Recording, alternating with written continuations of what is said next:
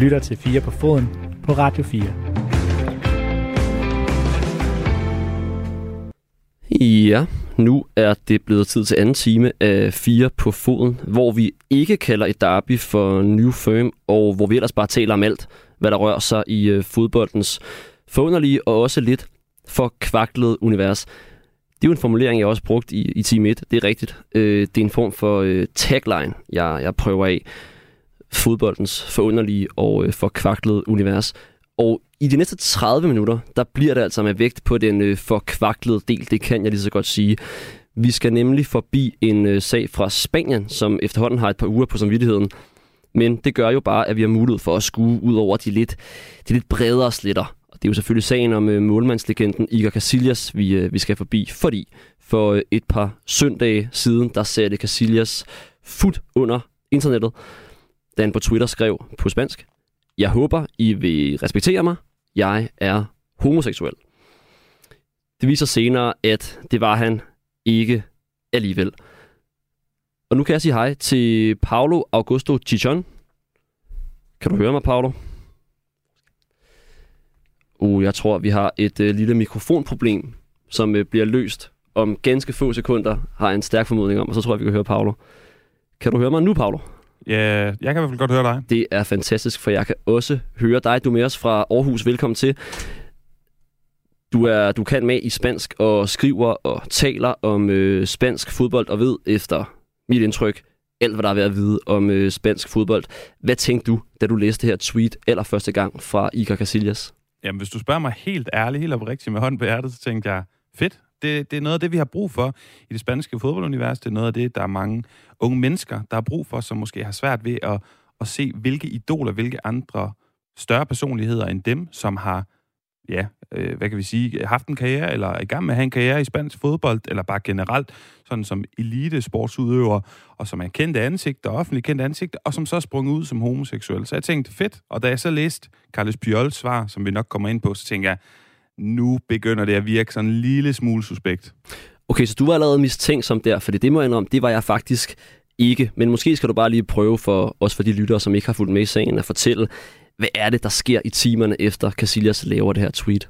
Jamen så øh, svarer den gode gamle landsholdskollega Carles Puyol, han svarer, øh, ved du hvad, det er jo på tide, at vi skal fortælle om lo nuestro. Og lo nuestro, det vil jeg, øh, det vil jeg oversætte til det, der er vores. Altså sådan, hvad kan vi sige, mellem linjerne forstår man her vores hemmelighed. Altså enten, at vi begge to er homoseksuelle, eller også, at vi er i et homoseksuelt forhold, du og jeg, Carles Bjørl og Iker Casillas. Og der begynder det for mig at se, simpelthen at blive for ja, det, det, det bliver for suspekt. Det, jeg synes allerede, jeg kan lugte noget karikeret og en meget infantil joke, der, der, altså, da jeg læser det her svar fra Carles Bjørl. Og hvad er det så, Casillas pludselig gør?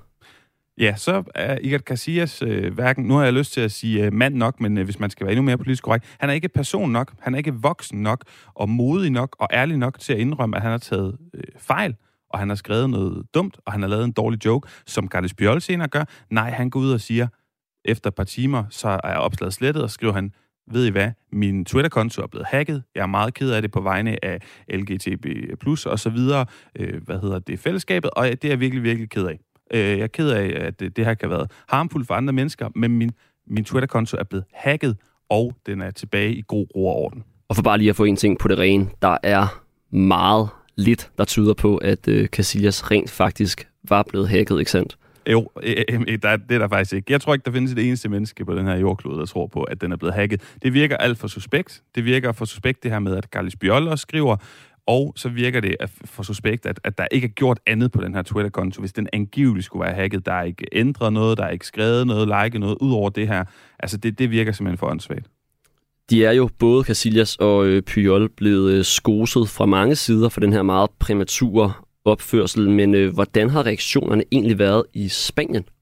Ja, mangelfulde vil jeg mene. Mangel, altså, men det er også svært, ikke også, Magnus? Fordi skal vi have de danske briller på og kigge derned og, og regne med, at de er øh, på samme måde, som man er hjemme i Danmark? Eller skal man prøve at forstå det mere, som jeg, det er forsøger i min formidling af spansk fodbold, og kigge på det med de spanske briller på og prøve at forklare det, så er det her symptomatisk for, for, for ja, den spanske mentalitet, kulturen dernede. Der er ikke blevet reageret særlig meget på det. Vi skal jo også forstå, at Casillas han er en legende dernede, og en af få Real Madrid-koryfæer, som er som omfavner store dele af Spanien, hvis ikke hele Spanien, blandt andet med fodparaden på Robben i VM 2010, men han er også efterfølgende i sit privatliv med sit tidligere forhold med Sara Carbonero, den her meget kendte kvindelige spanske sportsjournalist, så har han været en offentlig kendt personlighed, og, og det her par har ligesom været Mr. and Mrs. Spain på mange måder, de har været i alle de store blade, og man har elsket, det har været sådan en, ja, sådan et fælles ja, kærlighedsprojekt på en eller anden måde nede i Spanien, og elske det her par. Og derfor så har det været meget, meget svært at finde kritikere nede i Spanien, og primært så er det blevet forsvaret.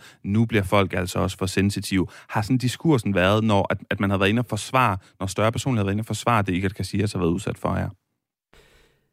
Ja, fordi hvordan står det egentlig til med, med kampen for respekt og anerkendelse på tværs af, af seksuelle præferencer i Spanien, og måske især i spansk fodbold? Altså er, er homofobi et stort problem?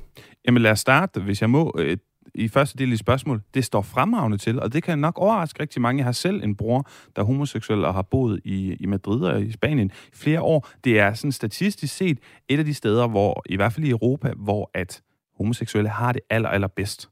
Så derfor er der en, en, en stor åbenhed omkring seksualitet, men du siger det jo lidt selv i dit øh, del 2 af dit spørgsmål, Magnus. Det handler om fodbold og fodboldkultur, og det handler ikke kun om Spanien. Der er også nogle hvad kan vi kalde det, præmisser i Spanien, der ikke gør det her godt, men det handler også om fodboldkulturen generelt. Der er simpelthen for, for primitiv, for macho og vi venter jo bare på, at folk begynder at hoppe ud af skabene, og der kan blive mere åbenhed, mangfoldighed, diversitet i de her ting. Og det er der ikke generelt i fodboldverdenen, og slet ikke i den spanske.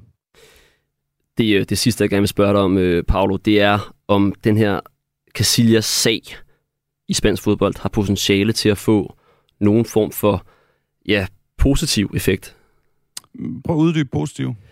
Men kan der være nogen, som, som får i tale et problem med for eksempel, hvordan man ja, laver sjov eller ikke laver sjov med, med homoseksualitet, som måske får en, en korrigeret opfattelse efter den her sag?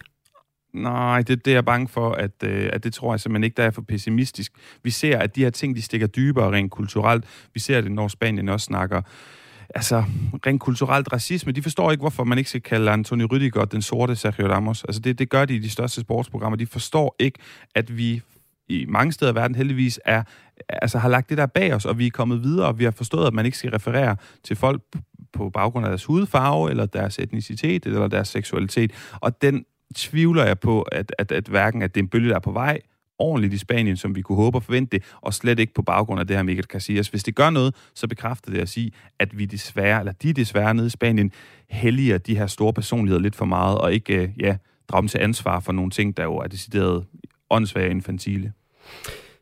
Paolo Augusto Tichon, mange tak, fordi at, øh, du vil dele din øh, omfangsrige viden med os her i aften på, øh, på Fire på Foden. Det var i hvert fald så lidt. Ha' en god aften. I lige måde. Hej.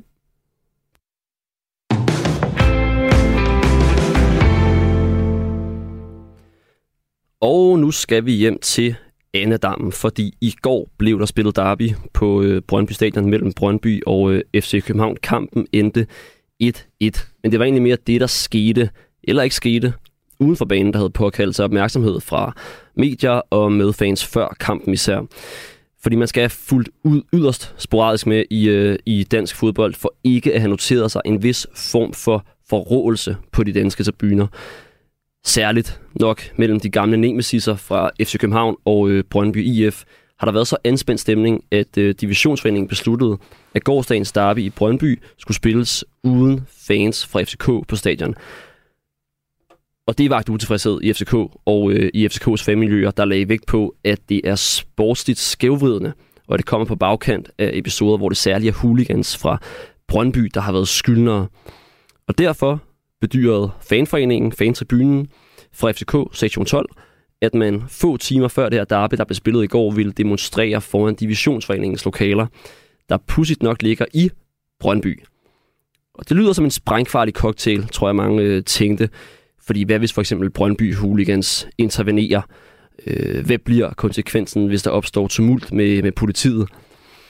Det var jeg nysgerrig på, så jeg brugte min søndag formiddag i, øh, i Brøndby for at se, hvordan det hele spillede an.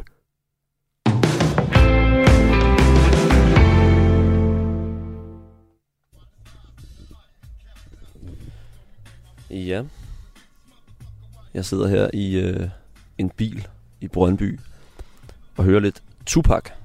Øh, det er fordi, at øh, der skal være demonstration om lidt foran øh, divisionsforeningen, hvor der kommer, siges det, omkring 100 FCK-fans og demonstrerer, fordi der til dagens derby ikke må være øh, FCK-tilhængere i, øh, i udebaneafsnittet. Jeg sidder og hører lidt øh, Tupac for ligesom at komme i the right state of mind. Øh, jeg tror, det er lidt ligesom mange hooligans sikkert måske tager en bane kokain, eller hvad ved jeg, inden de skal ud og slås. Så prøver jeg ligesom at, at hanke lidt op i mig selv, fordi jeg må indrømme, at jeg er en lille smule nervøs for, øh, hvad der kommer til at ske her. Altså, øh, der er klart en stemning af, at der kan komme til at opstå en masse ballade, og der er politi over det hele. Øh, det kan også være, at der ikke øh, kommer til at opstå nogen som helst form for øh, ballade. FK's fangruppering sektion 12 har selv meddelt, at det er en fredelig demonstration. Så man kan jo forsøge at udpensle to forskellige scenarier. Altså to poler. Den ene mulighed er ligesom, at det vidderligt bliver en helt fredelig demonstration. Hvorefter FCK-tilhængerne tager ud på en bar og ser kampen uden nogen som helst form for problemer. Men øh, jeg ved også, at mange, måske mere især almindelige, øh, gennemsnitlige FCK-tilhængere er særdeles bekymret for, at øh, der opstår så meget ballade, at man vil fratage FCK muligheden for at have hjemmebanetilskuere mod, øh, mod Dortmund i, i Champions League-kampen den 2. november. Der er også en frygt for, at, øh, at Brøndby-fans kunne finde på at, hvad skal man sige, spille en rolle til den her demonstration. Det er jo lidt pudsigt, at øh, demonstrationen foregår fire timer, eller nærmere tre timer, før et øh, derby skal spilles i Brøndby. Øh, og det forklarer nok også det store politiopbud. Jeg vil forsøge at øh, tage ind nu foran divisionsforeningen og, og tale med politiet, og forhåbentlig også nogle fans, for ligesom at spørge, hvorfor er det egentlig, I demonstrerer? Man kan allerede nu høre sirener i øh, massevis her i Brøndby. Og det er altså selvom, at FCK's fans, så vidt jeg kan læse mig til, stadig er på hovedbanegården i København. Der skulle være omkring 200 FCK-fans, og øh, det siges, at der allerede er opstået en lille smule ballade. Folk, der pludselig løb i alle mulige retninger. Øh, man kan sikkert høre sirenerne i baggrunden nu. Øh, jeg bevæger mig nu ned af det, der hedder DBU Allé. Det er så der, øh, divisionsforeningen har, øh, har hjemme. Der var det en venlig politimand, der, der smilede til mig der. De er sikkert også lidt spændte, ligesom jeg er. Hej. Er det her en foran, de kommer til at demonstrere, eller bliver de holdt herude i det? Kommer ikke ind på Nå, okay. Så det er herude, de kommer til at stå og... Okay, tak.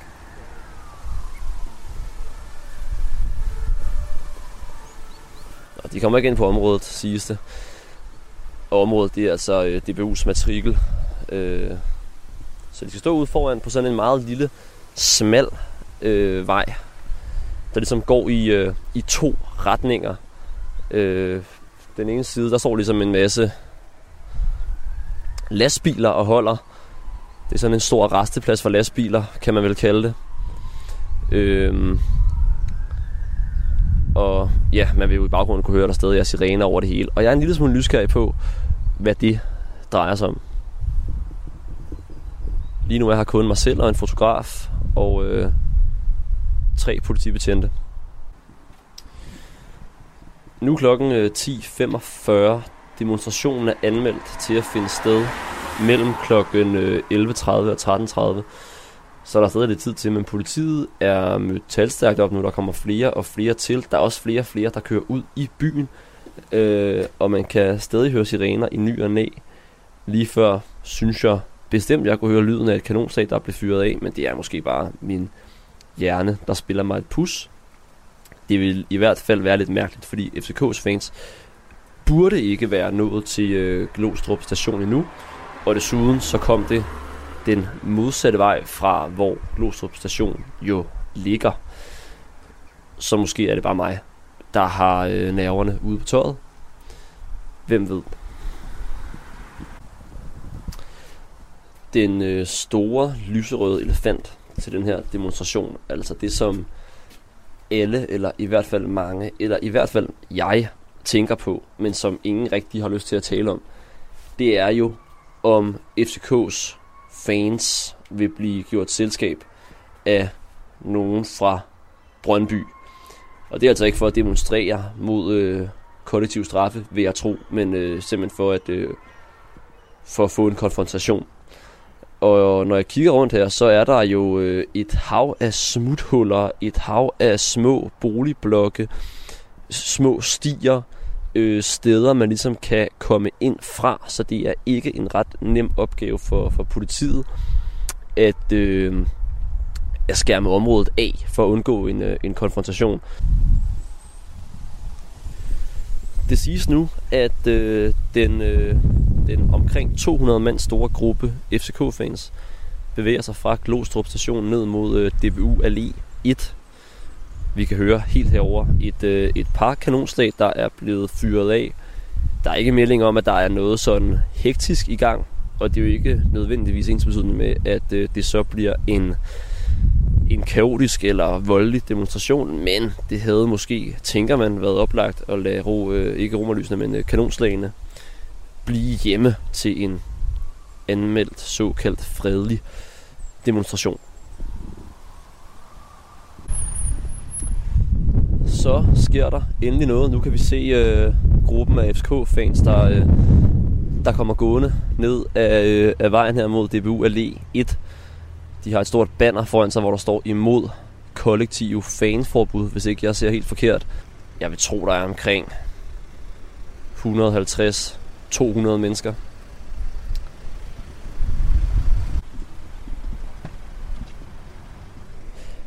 Stemningen den er vidderlig utrolig fredelig. Det er nærmest som om, der er en, der skal begraves. De er tavse som graven indtil videre. Men øh, lad os se, om, øh, om det bliver ved med at være sådan.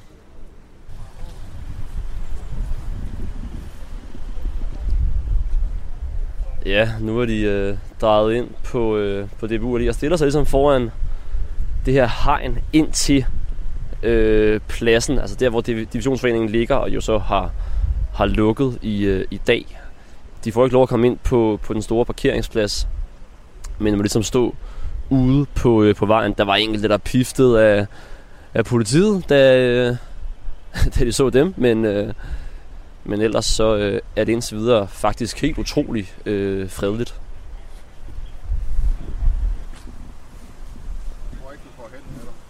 Nej, vi tager, gør et forsøg. er du selv med, med demoen? Nej, nej, ja. Nå, det var da meget stille roligt indtil videre, gør det ikke det?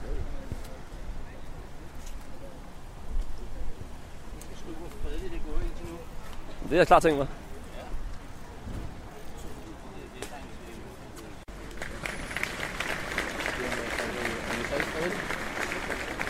Jeg optager lige noget til radioen. Ja, men det gør du. Ja, nu øh, bliver der klappet lidt. Der bliver ikke rigtig sunget slagsange, men øh, jeg tror, der er sådan en gennemgribende følelse af, at øh, man stiller sig op og kigger olmt på øh, divisionsforeningens kontor men altså ikke rigtig slå synger slagsang eller gøre noget særligt væsen, altså ud over lige at, at klappe af, af initiativet. Og det tænker jeg er det. Ja, men det der sker nu, det er simpelthen, at der skal skydes, hvad der ligner et øh, meget stort øh, familiebillede, tror jeg, foran øh, DBU og, og divisionsforeningen. Nogen trækker deres øh, maskering og bruger hovedet, men ellers er der faktisk rimelig fredelig stemning. Mit største problem nu er, at jeg kan se, at der er et øh, salatfad, der er parkeret foran min bil. Øhm, men ellers er alt roligt her i Brøndby.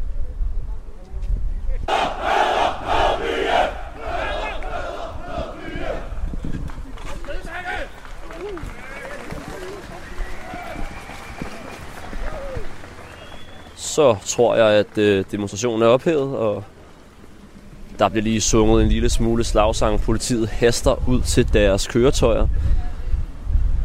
Og så begynder FCK-fansene at øh, vandre tilbage ved at tro, mod Glostrup øh, station.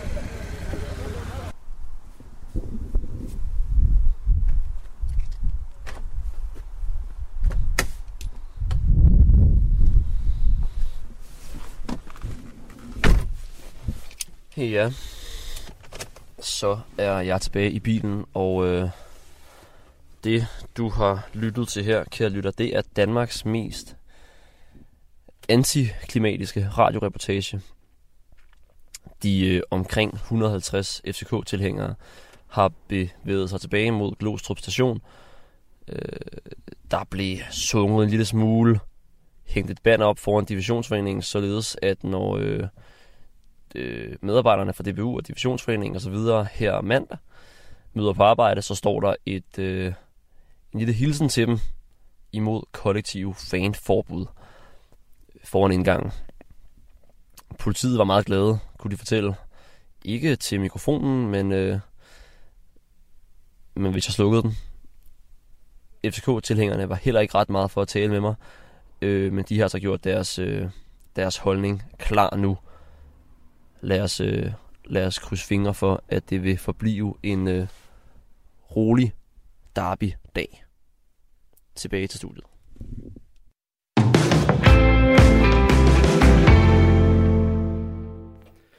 Ja, tilbage til øh, studiet og sikke et øh, antiklimaks.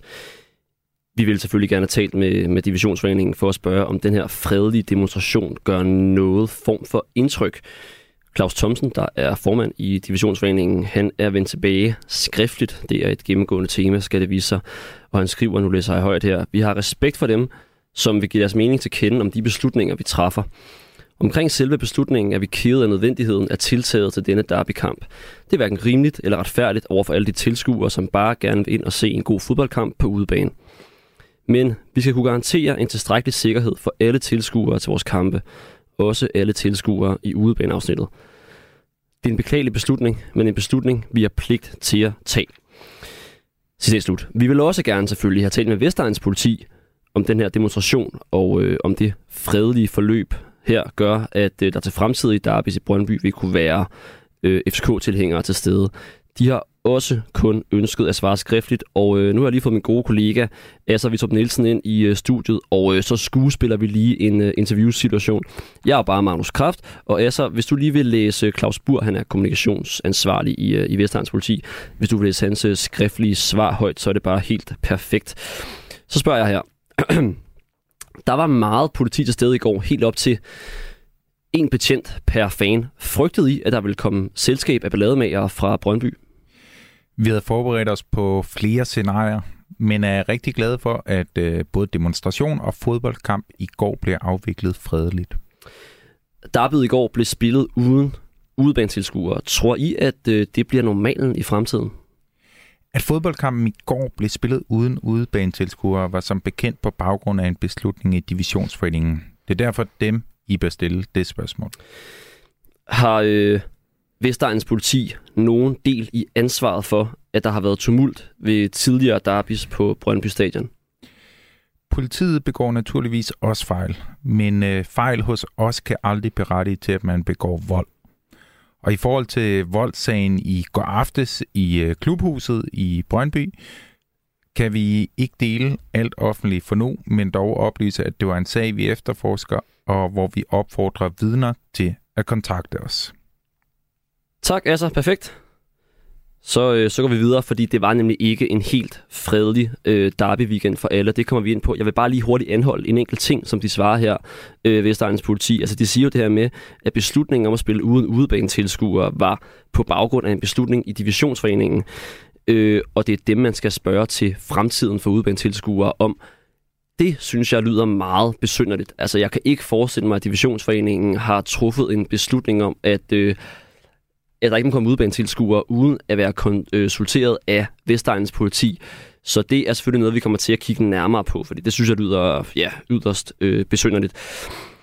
Og så er der den voldssag, som øh, politiet her henviser til. Den bliver vi også nødt til lige at vende. Brøndby Support har nemlig meddelt, at der efter kampen fandt en episode sted på det, på, øh, på det populære Brøndby tilhørsted Hytten, hvor flere frivillige blev stået ned af gæster i hytten. Sara Agerklint, der er formand i øh, Brøndby Support, har bekræftet, at gerningsmændene ikke var fra FCK, men øh, hun har ikke lyst til at uddybe sagen yderligere over for os på fire på foden. Og nu skal jeg lige skrue op der, fordi at øh, nu har jeg over telefon fået selskab af Rasmus Hammerik. Velkommen til, Rasmus. Jo, tak. Du er skuespiller, og grunden til, at du er med her i dag, det er, fordi du er glødende Brøndby-fan. Øh, siden i går, der har man øh, på sociale medier kunnet følge med i, hvordan flere Brøndby-fans fortæller, at de har opsagt deres sæsonkort på grund af den, øh, den utrygge stemning og gentagende ballade. Dig derimod, du har lige meldt dig ind i Brøndby Support. Hvorfor det? Jamen, øh, jeg har jo ligesom alle mulige andre været øh, præget og, og plaget af, af den udvikling, der desværre har været øh, i forbindelse med Brøndby's kampe og generelt i forbindelse med, med fodbold i Danmark i, igennem en periode. Men, men, men samtidig har jeg det også sådan, at øh, jeg kan ikke vende det ryggen, og jeg bliver nødt til at øh, tænke om det som, at det er de få, øh, der gør det, og den store, brede skare af, af, af, af fodboldelskere i Danmark, de, øh, de ser til med gro på det her, og har samtidig lyst til at gøre noget andet. Og for mig, der startede min tilhørsforhold til Brøndby netop med at forelske mig i hele fankulturen, som var øh, øh, ja, ikke personificeret, men, men, men, men øh, foreningsficeret af Brøndby Support. Og så tænkte jeg, hvis jeg skal vende tilbage til noget, som jeg ved er trygt og godt, og som rummer al den kultur og alt det fællesskab, som, som jeg elskede og forelskede mig i tilbage i 90'erne, øh, så må jeg tilbage dertil. Var du selv øh, på, på Brøndby Stadion i går? Ja, det var jeg oplevede du, øh, eller hvordan oplevede du hele den her atmosfære med Alfa, altså den her Brøndby-fangruppe, der nu er gået på pause og, og rykker op i, i hjørnet der på, på sydsiden? Altså selvfølgelig oplevede jeg øh, øh fraværet af, af kabeltårnet og fraværet af trummen og fraværet af megafonen, når jeg sidder på langsiden og vil sige, jeg havde sådan en, øh, en tipslørders fornemmelse, altså hvor, hvor at, øh, at den der lyden af summen fra hele stadion, øh, fordi der ikke er en dominerende lydkulisse længe. Den ligesom var, der startede lidt sange rundt omkring, og der var noget op i svinget, og der var nogen på sydsiden, og, og dem øh, Alfa, der var ryddet op i, i, i det modsatte tårn, startede jo også lidt og sådan noget. Så det var sådan en, en tilbage til 80'ernes øh, øh fornemmelse. Jeg synes jeg, man har kunne følge med i, hvordan at, øh, der har været også på sociale medier måske især gentagende sådan retoriske sammenstød mellem det, jeg lidt øh, flat kalder almindelige fans, og så dem, som måske har en mere ja, stemningsskabende rolle at spille i Brøndby, nok navnlig dem fra, fra Alfa. Altså har du oplevet, at der i Brøndbys fangrupper kommer længere og længere imellem jer?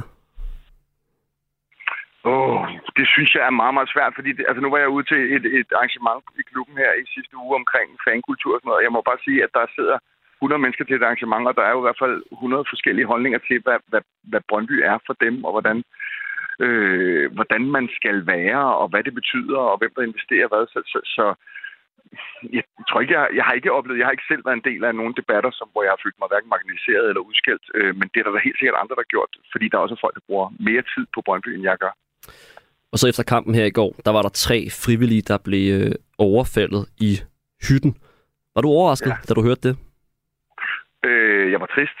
Øh, overrasket? Øh, ja, selvfølgelig. Det er man jo altid. Jeg synes jo, det var også noget, det jeg skrev øh, på, på Twitter i dag, skrev, at jeg var, øh, øh, jeg var ked af det, fordi at, at, at den person, det går ud over, og hytten er jo ligesom sådan noget nærmest heldigt for Brøndby-fan. Det er en stor symbol på, på fællesskabet og på, på samværet, og et sted, hvor at alle kan komme. Øh, Øh, og derfor bliver det, bliver det trist. Om jeg blev overrasket? Ja, ja, det gjorde jeg. Ja, det gjorde jeg. Det havde jeg faktisk ikke troet kunne ske. Der har været skille eksempler også i udlandet og på restepladser rundt omkring i Danmark, hvor Brøndby hooligans, så jeg ved godt, at I almindelige fans jo ikke skal slås i hardcore med dem, men hvor der har været voldsepisoder, kan man sige, i, i Brøndbys navn. Og jeg har læst flere eksempler øh, på, på Brøndby-fans, almindelige, fredelige Brøndby-fans, der har fået nok og ikke vil være med ind til klubben for styr på de her mange problemer. Altså, hvordan tror du, man som almindelig fan bedst bidrager til at komme volden til livs? Mm, det tror jeg ved, at man... Øh, at man Oh, det, hvis jeg havde den, så tror jeg, jeg skulle sidde et andet sted og lave noget andet. øh, ja, det, det, det har jeg sgu svært ved at forholde mig til. Jeg kan kun sige, at jeg prøver at sige, at der er også mange andre positive historier. Det, dem vil jeg hellere fremelske. Jeg vil hellere øh, melde mig ind i et fællesskab, som, som jeg ved fungerer, som gør noget godt, som for eksempel Brøndby Support. Øh, og så øh, prøve at, at finde tilbage til det, som jeg synes, der var kernen, da jeg forelskede mig i Brøndby tilbage i 90'erne. Øh, det andet, det, det ved jeg skulle simpelthen for lidt om til at udtale mig om. Jeg, jeg spørger også kun fordi, at, øh, ja. at man jo selvfølgelig oplever, at der er almindelige fans, der ikke tør komme på stadion længere, fordi der er så mange problemer med vold. Så, så, så det er mere for at sige, altså tror du, at I fans bare skal være det gode eksempel, og ja, opføre jer ordentligt og anstændigt, og så se, hvad der sker? Eller skal der også være en form for selvjustits? Altså, skal man gøre noget ved det, når man oplever det, eller skal man simpelthen stoppe med at komme på stadion, indtil der er kommet styr på de her ting? Hvad tror du? Jeg synes jo altid, det er svært. Selvjustits er jo altid et, et, en, en virkelig farlig vej at gå ned af, fordi at, at øh, hvem har ret til hvad, og det er jo også noget inkriminerende, hvis man begynder at, at blande sig i ting, kan man jo ende i, større problemer. Ikke øh, kun det, men også i forhold til loven, så det mm. mener man skal tænke sig godt om. Øh, øh, jeg, jeg ved sgu ikke, hvad fanden man skal gøre som almindelig fan. Jeg synes, man skal passe på sig selv, og så vil jeg sige, så er det jo heldigvis, altså, der er jo rigtig meget, der rammer medierne, og det gør det med rette, men, men jeg har ikke følt mig utryg, og det er ikke for at forklare nogen andre, der har følt sig utrygge, fordi folk skal, skal føle lige præcis det, de har lyst til. Jeg har ikke følt mig utryg. Øh, jeg var selv på stadion i går, jeg var ikke i hytten, da, da det her sker. Øh, så, så, så jeg, jeg har virkelig svært, jeg har virkelig svært med at komme med de gyldne, øh, de gyldne råd til, hvordan man løser det her, men, men, men, men jeg, min tilgang er at, at prøve at skabe noget, som er det, som jeg holder af, og så tror jeg, i det forum vil der være meget, meget lidt plads til folk, som vil lave ballade, fordi det er simpelthen ikke det, det drejer sig om. Mm. Der har jo været problemer med, med vold i Brøndbys fankredse, så længe jeg kan huske i hvert fald. Altså, hvad, hvad tror du, der sker, hvis man ikke, eller måske hvad frygter du, der sker, hvis man ikke lykkes med at vende den her udvikling på et eller andet tidspunkt? Det er et svært spørgsmål. Øh, hvad der sker sådan... Altså, jeg frygter det næste, disciplinærinstansen kan finde på, er jo selvfølgelig pointstraf. Øh, det øh, er vi lige i en situation, hvor dem skal vi helst ikke miste for mange af, hvis vi øh, skal have en nogenlunde sjov Superliga-sæson. Jeg, jeg, jeg, jeg tænker også, måske Rasmus, jeg tænker også, en ting er jo dis, øh, disciplinærudvalget og så videre, men jeg tænker også på, at Brøndby har en stor og glorificeret fanscene. Den største mm. i Danmark, siges det. Mm. Altså, er det ikke på spil også? Jeg tror, at øh, renomméet er på spil, men jeg tror også på, at vi kan komme ud af kriser. Der har netop, som du selv siger, også været øh, historisk set andre lignende tilfælde. Der har været øh, historier gennem, gennem, eller hvad hedder det, historier fremme gennem tiden, som, som har omhandlet noget af det samme som vi er kommet igennem ved netop at begynde at fokusere på det positive stedet for. Så det, det tror jeg, vi gør. Jeg tror, vi kan se som generelt som dansk fodbold et problem i, at, at det ikke bliver lige så attraktivt at, at for sponsorerne at være til stede, hvis det er de her historier, der dominerer mediefladen. Det, det tror jeg, man kan se sådan for, for fodbold, øh, altså for fodboldens side, at der bliver færre penge i det. Plus at jeg kan se, at tv-aftalerne bliver jo heller ikke, produktet bliver jo ikke lige så godt Øh, hvis udebanefansen ikke må være til stede, så øh, specielt Brøndbys, øh, som fylder meget, så, så er det produkt i Randers ikke lige så godt, som, som hvis Brøndbys tilhænger havde været der. Så, så jeg kan da godt se, at det er et kollektivt problem for dansk fodbold. All right. Rasmus Hammerik, tusind tak, fordi du havde lyst til at fortælle lidt om øh, livet som øh, Brøndby-fan. Det var så let. God jeg ville ønske, at jeg havde øh, de gyldne, de gyldne svar til dig, så vi kunne få løst det her. Det var nogle gode svar, det synes jeg. Det er godt. God mandag. Tak for det. Hej. Det er godt. Hej.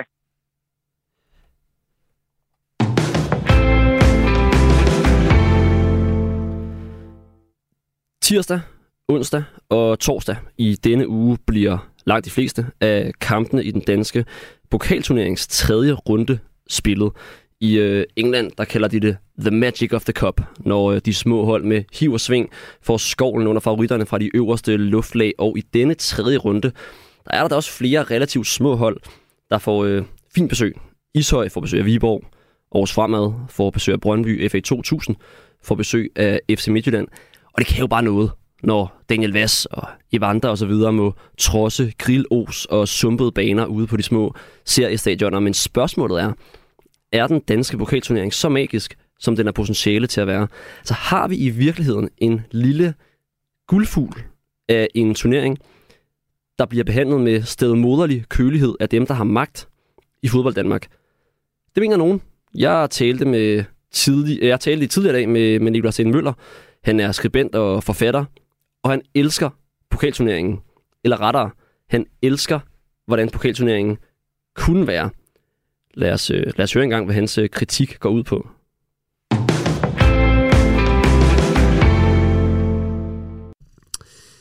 Okay, Nikolaj øh, Stenmøller, vil du ikke lige fortælle mig en gang først og fremmest, hvad er dit eget forhold til, til pokalturneringen? Det er, det er naivt og romantisk, men også sådan en lille smule opgivende. Ja. Fordi jeg synes jo, at øh, den, den er blevet sløjfet og blevet, øh, blevet knægtet i, i alt for lang tid. Altså, den er sådan lidt Superligaens rødhårede stedbarn. Øh, og, og så er den jo en, den er jo en smuk tanke i, i de første mange runder, og den lever det der eget liv inden at, øh, at topholdene er ren disclosure, jeg holder selv med et, et, et tophold, øh, altså det meste af tiden. Ja. Og øhm, de, de, de har deres, ligesom deres turnering kørende, og så, så kommer man ind i det andet, hvor, hvor divisionsforeningen tager over, og så, øhm, og så bliver det sådan en, øh, en, en, en topturnering, men en, som er blevet tilsidesat Ja. i alt for lang tid, men som jeg synes, der er en fantastisk ære i at gå hele vejen og vinde. Men prøv lige at forklare en gang, altså fordi Danmark har jo en ligastruktur, som også jo tiltrækker sig størstedelen af opmærksomheden fra de danske fodboldfans. Hvorfor er en øh, pokalturnering overhovedet vigtig?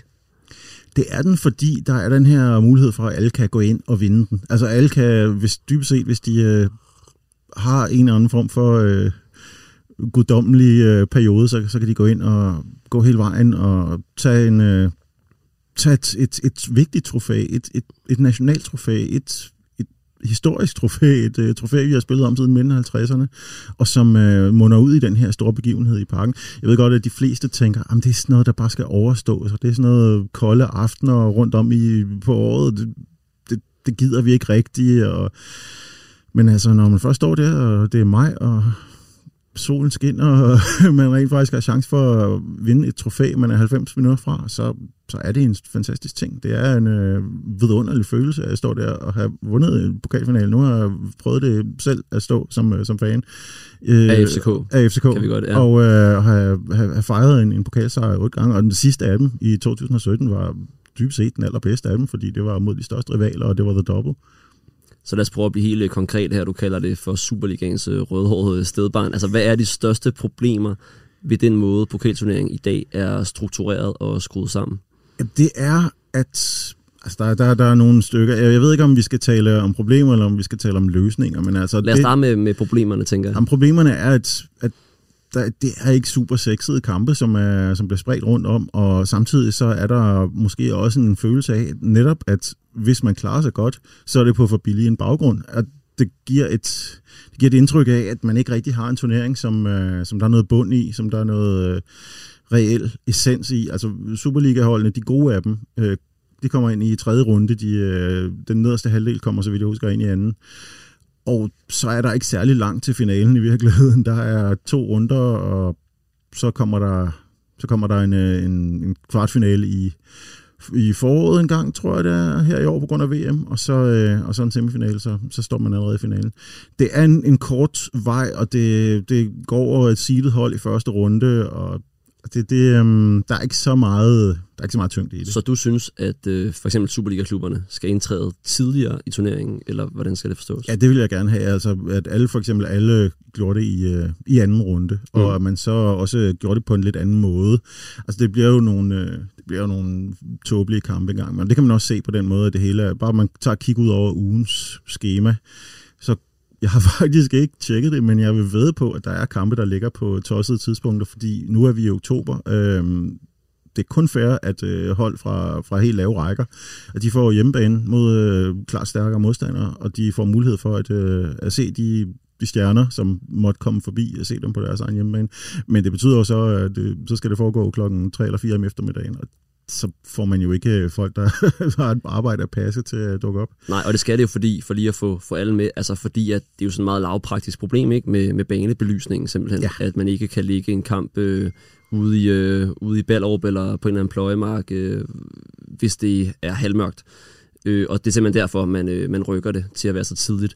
Altså, men det er jo bare sådan, at der er et hav af, af kampe på sådan en sæson, også i Superligaen. Altså, skulle man, skulle man flytte en Superliga-runde til midtugen, for at gøre plads til pokalkamp i weekenden, eller hvordan vil man kunne løse den der udfordring? Ja, det, det vil jeg sige, og, og nu øh, ved jeg jo ikke, om jeg, jeg kommer til at fremstå som en eller anden øh, georgierløs, der kommer med alle mulige øh, fikse idéer. Dybest set, alle de tanker, jeg har til, hvordan den her turnering kunne blive bedre, det, det er nogen, jeg planket fra Tyskland og England, hvor, pokal, hvor pokalturneringerne de, de har mere tiltrækning, end de har her i Danmark. Men lad os, lad os prøve at høre nogle af dem så. Kan du ikke prøve at Jamen fortælle altså, lidt om nogle konkrete idéer til, til, hvordan man kunne gøre, gøre turneringen stærkere? Jeg vil meget gerne have, at man havde en runde, som man for eksempel har i Tyskland, som ligesom indleder, øh, det leder Bundesliga-sæsonen, at man har en runde, hvor øh, rigtig mange af de her hold, der stadig er med i pokalen, at de øh, spiller en runde i weekenden. Og det vil så sige, at lige meget hvor man spiller hen, så kan man gøre det i dagslys. Og mm. man gør det for så vidt i sommeren. Altså det kunne være det kunne være på det tidspunkt, hvor, øh, hvor første division ikke er gået i gang endnu, og Superligaen på nuværende tidspunkt plejer at, at være startet en runde inden. Køre en pokalrunde der simpelthen. Og så, så er man ligesom i gang med det. Så har man også i hvert fald sikret, at så mange som muligt får en, øh, en kamp, hvor de får det ideelle antal tilskuere, fordi det kan spredes på et hvilket som helst tidspunkt i weekenden. Mm. Det synes jeg ville være en god demokratisk måde at, at gøre det på i hvert fald. Ja, ja. Så, ja, nu skal jeg lige se, jeg har min lille note her. Ja. Øhm, altså selvfølgelig den her regel om øh, hjemmebanen, som er sådan en gummiregel, ja. den synes jeg er det er håbløst. Altså reglen om, at det, reglen om, det lavest rangerede hold. hold har hjemmebane. Det synes ja. jeg er en fin regel. Jeg synes, det er håbløst, man kan bytte sig fra den. Ja. Det her, det, det giver en skævvridning i pokalen, at øh, hvis man trækker en modstander, der kunne have været lidt tricky, hvis man skulle møde dem på netop deres pløjemark, deres kartoffelmark ude i, i øh, øh Muse, med al respekt for Døvlefjeld Muse og resten af Lolland, så er så, så er det muligt at sige, at det kan vi ikke afvikle. Dårlige forhold, øh, mangler varme i banen, øh, alt muligt. Øh, og især hvis, øh, hvis det er et af de største hold i landet, så sikkerheden ikke kan, kan garanteres. Så må man, øh, så må man køre med lidt, øh, lidt lavere kapacitet, eller også må man have en eller anden form for øh, pulje, der kan sikre, at så kan man spille på et større stadion i nærheden, fordi det, det duer ikke. Det, det, det bliver en åndssvag skævhed, at, at nogle trækker en god modstander og kan komme til at spille på udbanen mod dem, andre trækker en med al respekt, rigtig dårlig modstander, og får den morgenkøb på hjemmebane.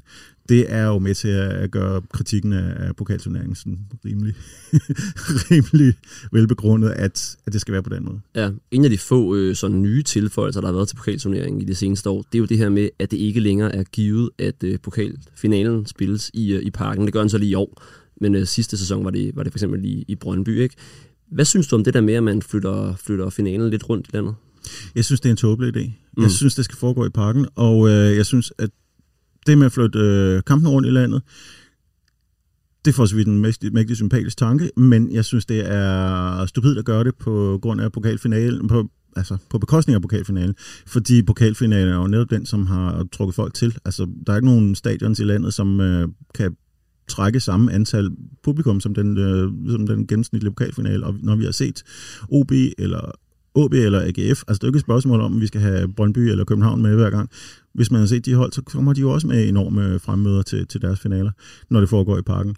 Så det er unødvendigt. Øh, det næststørste øh, stadion i, Danmark ligger forholdsvis tæt på parken. Det tredje største, det er Aarhus Stadion, og det er uværdigt at afvikle en finale under de forhold der. Så selvfølgelig skal det foregå i parken. Men hvad jeg derimod synes, er, at man skal droppe den her dobbeltkamp som ovenikøbet er blevet til dobbeltkamp nu i både øh, kvartfinale og semifinale. Og så i stedet for at gøre det til en semifinale, til to semifinaler på neutral grund, og så spille dem i weekenden, præcis som man gør i England. Det vil for mig være en mulighed for at få flyttet den her kamp ud til de ganske udmærkede stadion, som er i landet. Fordi der er ikke nogen grund til, at, øh, at man skal spille en samtidig afgjort semifinale på aftener i om onsdagene øh, rundt om i, i foråret, når man lige så godt kunne, kunne flytte den til en weekend, sætte en dag af til det, og så få, få folk ud og, og lave det til en fed oplevelse med et stadion, som er fyldt med halvdelen fra hver, fra hver side. Mm. Det synes jeg vil være en helt indlysende måde at gøre det på, og det skal selvfølgelig ikke være ligesom i England, hvor man flytter, også flytter semifinalerne til Wembley. Altså det, det er en tåbelig måde, de har, de har udviklet det på, men de har vel manglet penge til at finansiere Wembley, så det er derfor, det foregår. Jeg synes, det burde foregå. Det, for eksempel, hvis øh, København møder AGF, så lad det foregå i Odense. Det bliver en fantastisk dag. Til sidst her, øh, Nikolaj Stenmøller, så stiller jeg dit spørgsmål, jeg egentlig godt øh, kender svaret på. Har du øh, planer om at tage en halv dag fri på onsdag for at tage til Hobro og se øh, FCK spille der kl. 17.15? Nej, det har jeg ikke. Og det er jo også, det er også endnu en af tingene ved det. Jeg har faktisk et, øh, jeg har hele to forslag til, og jeg ved ikke, om du har tid til at høre dem begge. Det du kan gøre dem korte. Ja, men det ene er at spille på finalen efter, at turneringen er slut, sådan så den ikke kommer ubelejligt på en torsdag midt i det hele. Men anyway, det kan man altid diskutere.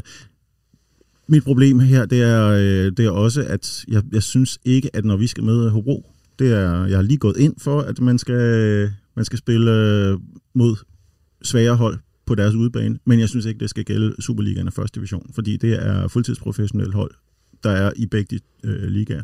Og derfor så synes jeg, at man skal have flere hold på hjemmebane. Jeg ville have håbet, at det kunne foregå i parken. Øh, hvis det var os, der var kommet først ud af, af skålen, det ved jeg faktisk ikke, om det er. Men det, som er problemet for mange Superliga-hold, og nu har vi klaret os godt så vi har trods alt fået en del kampe, men hvis man kigger ned over det, København har spillet langt under halvdelen antal hjemmekampe i forhold til udkamp i pokalen. Og det gør, at det bliver sådan lidt en, en hobby for dem, der har tid til at tage til Hobro og stå der klokken kvart i seks her på, på onsdag og, og se fodbold. Og det har jeg simpelthen ikke, øhm, med al respekt. Og det, det, det tror jeg, det kommer til at gøre, at mange Superliga-hold, mange har haft endnu færre hjemmekampe end os, at de har ikke rigtig noget forhold til pokalen som noget, der foregår på hjemmebane, og som de behøver at komme og se, medmindre de er i finalen.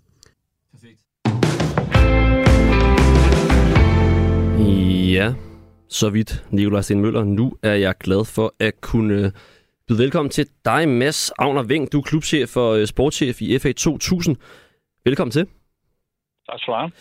I får jo øh, på onsdag fint besøg, må man sige, hele vejen fra Herning af, af FC Midtjylland i pokalens tredje runde. Øh, I spiller jo til daglig i, i tredje division i, i Frederiksberg der. Hvad, øh, hvad var din første reaktion, da FA 2000 trak FC Midtjylland? Jeg tror, min første reaktion, det var, øh, det var ærgerligt, at det ikke var FC København for at få lokaldarbyet mod, øh, mod den på hjemmebane. Men, men min næste tanke var så, at vi skulle virkelig sætte alt ind på at gøre det her til, til en festdag. Det var trods alt de, de, de forsvarende pokalmestre, der kommer til, til Frederiksberg. Og øh, for folk, der måske ikke kender FA 2000 sådan synderligt godt, kan du ikke lige sætte nogle ord på, hvad, hvad det er for en størrelse, du er, du er chef for? Jo, altså vi er jo øh, vi er først og fremmest, så er vi jo øh, en forholdsvis ny klub. Det, det går navnet jo lidt ud fra 2000, hvornår man blev skabt. Men så samtidig så er vi jo landets fire største klub mål på medlemmer, så vi er jo en kæmpe klub inden for Frederiksberg, som vi så, som du rigtig nævner, spiller i 3. division, er topholdet i 3. division efter at have rykket ned. Så både en, øh, en elite, men også en, øh, en bredde klub, men en, men en kæmpe klub med, med store ambitioner. Og hvad betyder det så for en klub som, øh, som FA 2000 at møde en, en dansk topklub som FC Midtjylland i, i pokalturneringen? Både PR-mæssigt, nu, nu sidder du for eksempel her med, men også i, også i kroner og øre. Jamen altså, der er ikke nogen tvivl om, at det kan jo godt mærkes i en klubkasse, at du, at du øh, møder FC Midtjylland, øh, og så en ovenikøbet skal, skal møde dem på hjemmebane. Der er jo selvfølgelig det rent lavpraktisk i, hvad kan du tjene ved, ved salg af, af, af pølser og øl og, og indtægter på, på indgang, men samtidig også den PR-mæssige del af, at, at vi kommer på landkortet, ikke kun øh, hos jer, men også hos, øh, hos andre medier om, om fortællingen, og øh, forhåbentlig så at skabe overraskelsen, eller i hvert fald kunne drille øh, Superliga-holdet FC Midtjylland. Så er det noget, der rykker sådan signifikant ved jeres regnskabsår? Mm, nej, det gør det, det gør det ikke 100 procent. Altså, det, det gør det på den måde, at det er jo klart, det er jo penge, man ikke, man ikke regner med skal være øh, på forskellige poster. Øh, selvfølgelig står vi nu i en situation, hvor vi så kan se allerede nu, jamen, så har vi solgt, øh, jeg tror det er 725 billetter i forsal. Vi har øh, sat i døren, det skaber flere indtægter. Så jo, selvfølgelig er det en post, men det er ikke en post, der, der vælter budgettet men på den positive måde. Men vi er så også en veldrevet forretning. Vi har en sund økonomi, og vi har øh, et fint regnskab. Men jeg kunne forestille mig, nu hørte jeg jo jeres debat før, at de meget mindre klubber, jamen de vil helt sikkert kunne mærke at trække et Superliga-hold. Så på den måde, så er det, så er det fantastisk at få dem på besøg. Og øh, apropos debatten før her, er du egentlig enig i, at øh, pokalturneringen lidt er det sorte får i turneringsfamilien, som måske bliver forsømt en lille smule? Uh, ja, og det tror jeg faktisk, man kan se meget, meget tydeligt med de uh, Superliga-mandskaber, der kommer til at skulle spille her i næste runde, at den kommer til at blive nedprioriteret, og det gør den af, af både selvfølgelig, at det meget, meget tætte uh, og alt for tætte kampprogram, der er for, for de bedste mandskaber i Danmark, på grund af VM i Katar jo har påvirket den del, men lige så meget også, at, at de kommer til uh, Midtjylland, der er mit forsigtige gæt at stille med reserverne reserverne, og U19-holdet i en sammenblanding, og måske med en enkelt eller to, så den er 100% øh, nedprioriteret, og det er rigtig, rigtig ærgerligt, fordi at de mennesker, der jo kommer for at se FA 2000 møde FC Midtjylland, vil jo også gerne se stjernerne, men det kommer de med stor sandsynlighed ikke til. Du har fortalt mig tidligere, at øh, I regner med at se sted mellem 1000 og 1500 tilskuere. Er du trods for det flotte tal lidt ærgerlig over, at det ikke er en weekendkamp? Det er jeg meget, meget ærgerlig over. Øh, jeg er både ærgerlig over, at det ikke er en weekendkamp, og så er jeg ærgerlig over, at den er placeret i, i efterårsferien øh, da vi ikke har den samme tiltrækningskraft her, på grund af, at der er mange, der er bortrejste. Så jeg synes, man for, for divisionsforeningens side, der kunne man godt tænke kreativt, og så sige, at når Superliga-holdene indtræder, jamen så bliver det prioriteret, og så kan du bytte rundt i kampprogrammet. Jeg ved også godt, det er det er en meget, meget positiv tankegang at have, at man skal kunne gøre det på grund af det kampprogram, der er. Men jeg synes, at den skal prioriteres mere, hvis, øh, hvis pokalsmængden skal gøres mere sexet. Det er der ikke nogen tvivl om. Der har jo også tidligere været et problem, det her med, at hvis lidt mindre hold møder Superliga-hold en hverdag, så har man været nødt til at rykke kampen til et andet stadion på grund af det her med banebelysning. Har det været et tema for jer også? Øh, heldigvis ikke, øh, da vi er begyndt at have et lysanlæg på Frederiksberg Stadion, som lever op til de krav, der, der er, og det har gjort, at vi, vi har kunne spille øh, kampen senere, men, øh, men ellers så var den øh, programsat til, at vi skulle spille den kvart over tre øh, på sådan en onsdag midt i efterårsferien, og med, med den største respekt for Midtjylland, for de skulle nok få det til at fungere. Så er der jo alle de mennesker, der gerne vil se den, men samtidig så kigger vi jo ind i, at vi er, vi er amatør, en amatørfodboldklub, som hvor, øh, hvor vores øh, spillere, der spiller øh, på førsteholdet, jo har jobs ved siden af, så de vil praktisk talt ikke kunne nå det, uden at tage fri fra arbejde. Du nævnte også tidligere i telefonen, da vi, da vi talte sammen, det her med, at der har været lidt forhandlinger i forhold til, til spilletidspunkter. Måske også sådan der spillested. Kan du fortælle lidt om det? Mm. Nå, men der er ikke nogen tvivl om, øh, uden jeg har gået i alt for mange detaljer, at FC Midtjylland har haft en interesse i, at, øh, at selvfølgelig at, at sige, om øh, vi havde øh, lyst til at sælge øh, rettigheden til kampen, øh, så den kunne blive spillet i Herning. Men, øh, men der har det jo hele tiden været en, en analyse fra vores side at sige, hvor, hvor meget er kampen værd, både kroner og øre, men også i, i værdi for vores medlemmer. Øh, så det blev, øh, det blev et nej tak fra vores side, men, øh, men henvendelsen fra Midtjylland har været der der er også det her med, med spillestedet for finalen. Nu, øh, nu ved jeg ikke, hvor meget du tror på det, men øh, man skal vel have en form for optimisme. Hvis nu vi spillede hele vejen til, øh, til finalen, vil du så foretrække, at øh, kampen bliver spillet i parken, som den bliver i denne sæson, eller, eller på Brøndby Stadion, som det var sidste sæson, eller måske endda på stadion i Aarhus, som det var tilfældet i 2021? Ja, altså jeg var så heldig at faktisk overvære finalen sidste år på Brøndby Stadion, og det kunne godt noget, det vil jeg gerne medgive. Der var en, der var en, en fed øh, energi mellem de to fangrupperinger fra hver ende, men jeg vil sige, at jeg er 100% tilhænger af, at finalen den skal spilles i parken. Det er Danmarks nationalstadion, og derfor så skal den spilles i København. Vi har jo selvfølgelig rigtig gerne vil tale med, med divisionsforeningen om, hvad, hvad de kan gøre for at øge den her folkelige appel for, for pokalturneringen. Peter Jeppesen, der er turneringschef i Divisionsforeningen, han har kun ønsket at give en skriftlig kommentar. Det var jo, jo ligesom hans, øh, hans formand, øh, Claus Thomsen, tidligere i programmet. Og han skriver blandt andet, så læser jeg lige højt her en gang, vi, øh, vi prioriterer pokalturneringen så højt vi kan, men den er sværere at balancere end de øvrige turneringer, da den fagner klubber på flere forskellige niveauer, med forskellige forudsætninger for at deltage, og med forskellige fysiske rammer på deres stadion. Til studier spørger os til det her med, med udebanetilskuere til, til tidlige hverdagskampe, og til det siger han citat, når nogle pokalkampe spilles tidligt på en hverdag, så skyldes det primært, at en del klubber ikke har lysanlæg, og det er den lavest rangerende klub, der har hjemmebane. Som nævnt ovenfor, så løser det ikke nødvendigvis noget for, for klubberne at spille pokalfodbold i weekenderne. For så vil de samme serieklubber skulle spille deres turneringskampe tidligt på en hverdag. Sit, øh, og så i parentes måske ikke med samme efterspørgsel på tilskuere, hvis man møder en Superliga-klub, men så skulle den pågældende serieklubs udebanemodstander skulle spille en udekamp kl. 15 på en hverdag. Citat slut der skal man holde tungen i munden med en øh, masse Agner Ving. Hvad, øh, hvad vil du ønske, at, at divisionsforeningen gjorde, gjorde anderledes til, til næste sæson? Jamen altså, jeg synes 100% man skal lade sig inspirere af udlandet, og, øh, og derfor så synes jeg også, man skal prioritere den meget, meget, meget højere, end man har gjort. Men jeg synes, man må, må kaste alle bolde op i luften, og så man siger, hvordan skal vi kigge på den her pokalturnering? Jeg synes, at weekendkampe er, er et klart fokuspunkt. Øhm, jeg synes, at vi skal træde, lade Superliga-klubberne træde tidligere ind, og så synes jeg, at øh, om der så kunne være en eller anden økonomisk pulje fra divisionsforeningen eller DBU side, så man er, hvis man som øh, fra vores tilfælde lille divisionsklub trækker øh, en stor Superliga-modstander, jamen der skulle der godt være noget økonomisk hjælp, for jeg vil sige, hele det, det øh, som surium, der er udenom den her pokalkamp, jamen øh, havde vi ikke haft fuldtidsansatte medarbejdere til at kunne varetage det her kvæg vores størrelse som klub, jamen så havde vi ikke kunne løfte den opgave at tage imod FC Midtjylland på grund af alle de opgaver, der er. Og hvad er det konkret, du vil ønske, at divisionsforeningen gjorde anderledes der? Jamen, der kunne både være en, en, der kunne være en økonomisk støtte, øh, men der kunne også være en, en større øh, mulighed for rådgivning i forhold til, hvad sker der, hvis du trækker den her klub? Altså, vi står i en situation nu, hvor at FC Midtjylland kommer til os, øh, og lige pludselig så skal vi til at forholde os til, til politi, vi skal forholde os til sikkerhedsbrandplaner, øh, diverse arrangementer, øh, og det skal vi selvfølgelig nok gøre, fordi det, det er også et ansvar, vi har. Men vi kunne godt måske bruge lidt mere øh, guidning og, og guidelines for, hvordan vi kunne gøre det endnu bedre. Lige til sidst her, så vil jeg gerne høre uh, Mads uh, Agner Ving. Hvordan skal det fejres, hvis uh, I laver miraklet, hvad jeg tillader mig at kalde det, mod Midtjylland på onsdag? Altså, jeg vil sige, så tror jeg, øh, jeg roligt kan sige, at øh, de fleste medarbejdere, både i FA 2000, men også spillerne, nok har fri næste dag. Øh, men, øh, men må ikke, at vi kan levere i hvert fald en, en rigtig, rigtig god kamp, og vi går efter overraskelsen, og så er du altid velkommen til at ringe tilbage, når vi, øh, når vi har slået dem ud. det vil jeg gøre. Kan jeg få et ciffertip? Jamen, øh, jeg forsigtigt siger jeg, jeg tror, vi går i, øh, i forlænget, og så øh, bliver den afgjort på straffe. Så 0-0 er ordinær, og så vinder vi i straffespark. Sådan skal det lyde. Mads Agner Veng, tusind tak, fordi du var med. Det var alt fra øh, Fire på Foden. Nu